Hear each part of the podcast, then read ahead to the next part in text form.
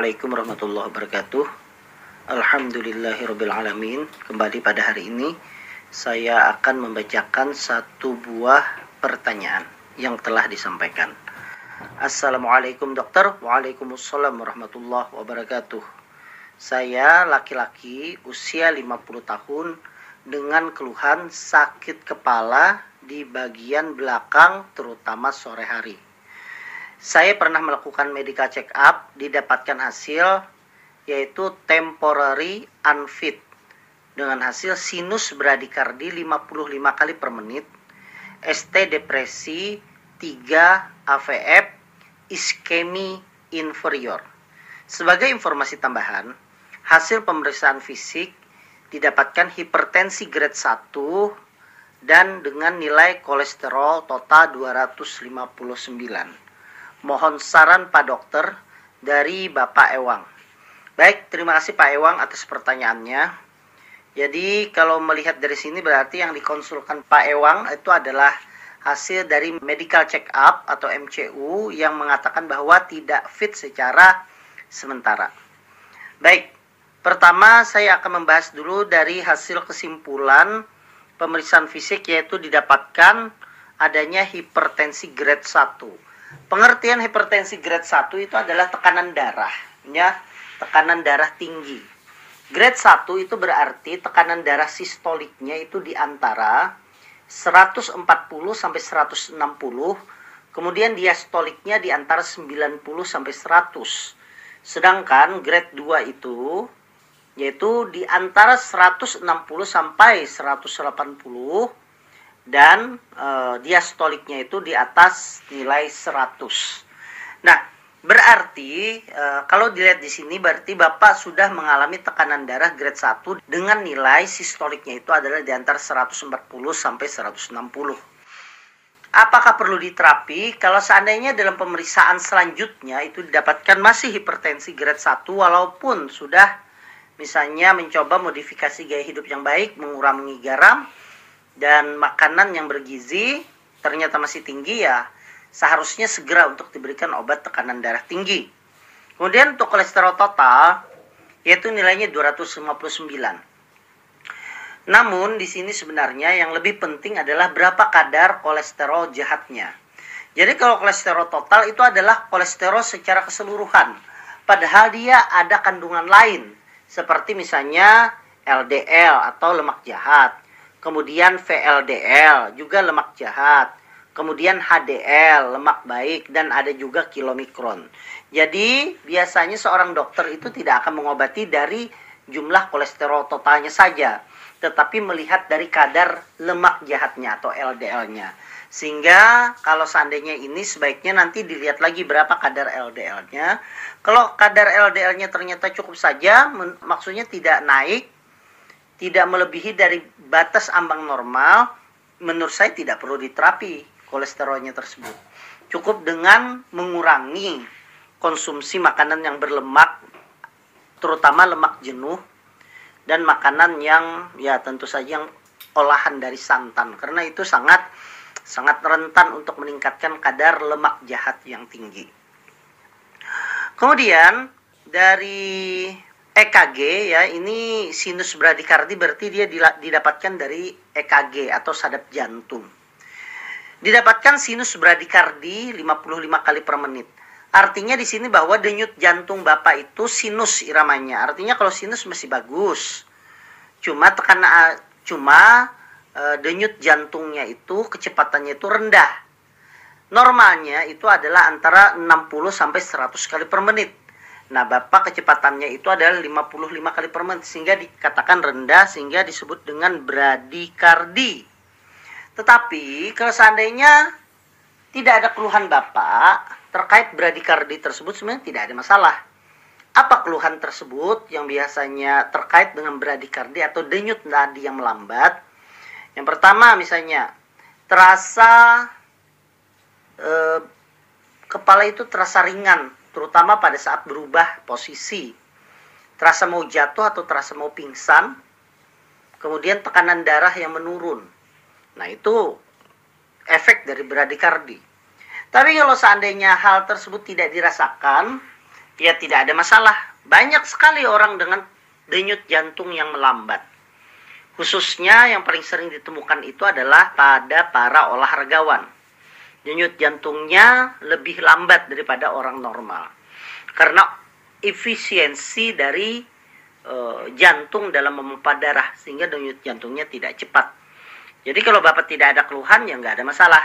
Berbeda Bapak ada keluhan misalnya kepala terasa berputar, terasa ringan, seperti mau pingsan berarti dia ada permasalahan dan harus segera itu untuk dilakukan terapi untuk meningkatkan denyut jantungnya tersebut. ST depresi berarti itu menandakan adanya sudah gangguan oksigenasi pada otot jantung. Di sini memang tidak spesifik dikatakan di lead 3 dan AVF. Tapi kalau dilihat dari sini, kemungkinan berarti otot jantungnya itu sudah kekurangan oksigen, terutama otot jantung bagian bawah. Makanya dia disebut dengan ischemic inferior. Berarti otot jantung bagian bawah itu kekurangan oksigen. Kenapa bisa terjadi? Yang pertama bisa karena adanya penyempitan pembuluh darah koroner Penyempitan itu terjadi karena penumpukan plak akibat dari lemak jahat. Nah, makanya penting tadi saya sampaikan tidak hanya kolesterol total yang diketahui, tetapi juga lemak jahat. Jadi kalau saya lemak jahatnya ternyata tinggi, berarti harus diterapi obat kolesterol jahat, golongan statin secepatnya. Nah, selain plak penumpukan atau plak tersebut, menyempitnya itu bisa karena kontraksi dari uh, pembuluh darah. Sehingga perlu diberikan obat-obat untuk melebarkan pembuluh darah koroner. Obat yang diberikan itu adalah golongan nitrat yang sering dipakai di bawah lidah. Fungsinya itu adalah untuk mengurangi nyeri. Dan juga untuk mengurangi kebutuhan otot jantung terhadap oksigen atau demand. Nah, mengurangi demand oksigen tersebut dengan cara memberikan obat supaya otot jantungnya itu kebutuhan oksigennya itu berkurang. Obatnya itu golongan beta blocker yang paling sering dipakai oleh dokter itu adalah bisoprolol. Cuma pertimbangannya karena tekanan uh, karena denyut nadi bapak yang sudah lambat 55 kali per menit, maka pemberian bisoprolol ini sebaiknya ditinjau lagi atau kalau bisa ya ditunda saja. Nah, Mengingat usia Bapak yang sudah 50 tahun berarti memang ada risiko dari penyakit jantung koroner pada saat ini. Sehingga kalau pertanyaannya mohon saran, saran saya kalau seperti ini sebaiknya Bapak melakukan pemeriksaan pembuluh darah koroner. Ada dua cara. Yang pertama yang non intervensi dengan dilakukan CT scan jantung. Sehingga CT scan jantung itu nanti akan terlihat pembuluh darah koronernya ada ada kalsifikasi atau penyempitan atau tidak. Tapi memang dia hasilnya tidak terlalu terlalu sama atau tidak terlalu presisi dibandingkan dengan tindakan intervensi yaitu kateterisasi jantung. Jadi kateterisasi jantung itu adalah kateter dimasukkan ke dalam pembuluh darah nadi. Kemudian setelah itu kateter tersebut masuk ke arteri koroner di jantung, kemudian disuntikan zat kontras Kemudian dilihat dari radiologi. Nah, itu sangat jelas kelihatan kalau seandainya ada penyempitan.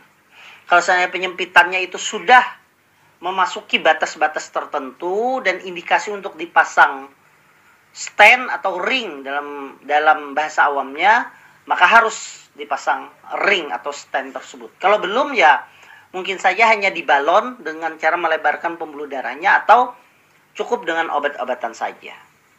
Ya saran saya sebaiknya dilakukan tindakan itu Pak. Selain mungkin juga harus diperiksa faktor-faktor penyebab dari adanya iskemik dari otot jantung, yaitu otot jantung yang kurang oksigen.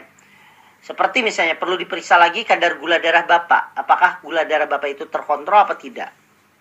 Kemudian juga yang penting ada diperiksa ginjalnya Bapak. Karena biasanya kalau ada kelainan di tempat lain, maka ginjal pun juga kadang ada kelainan.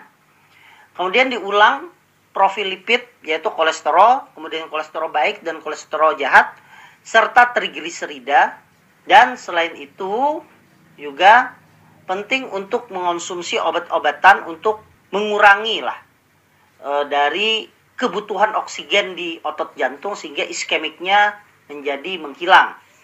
Salah satunya adalah dengan cara memberikan obat yang di bawah lidah, golongan nitrat.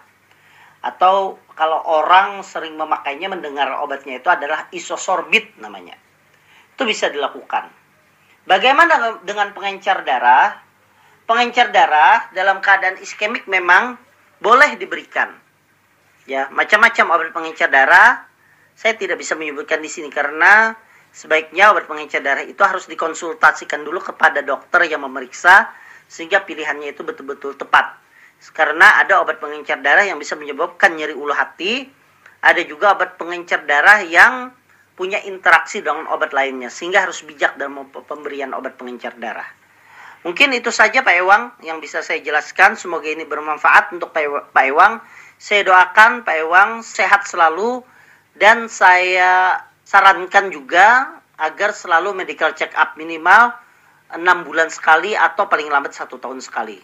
Kepada seluruh jemaah maupun pendengar radio Al Jihad, Assalamualaikum dokter ini yang telah mendengarkan pada hari ini. Saya doakan semoga diberikan kesehatan selalu, diberikan keberkahan oleh Allah Subhanahu wa taala. Wassalamualaikum warahmatullahi wabarakatuh.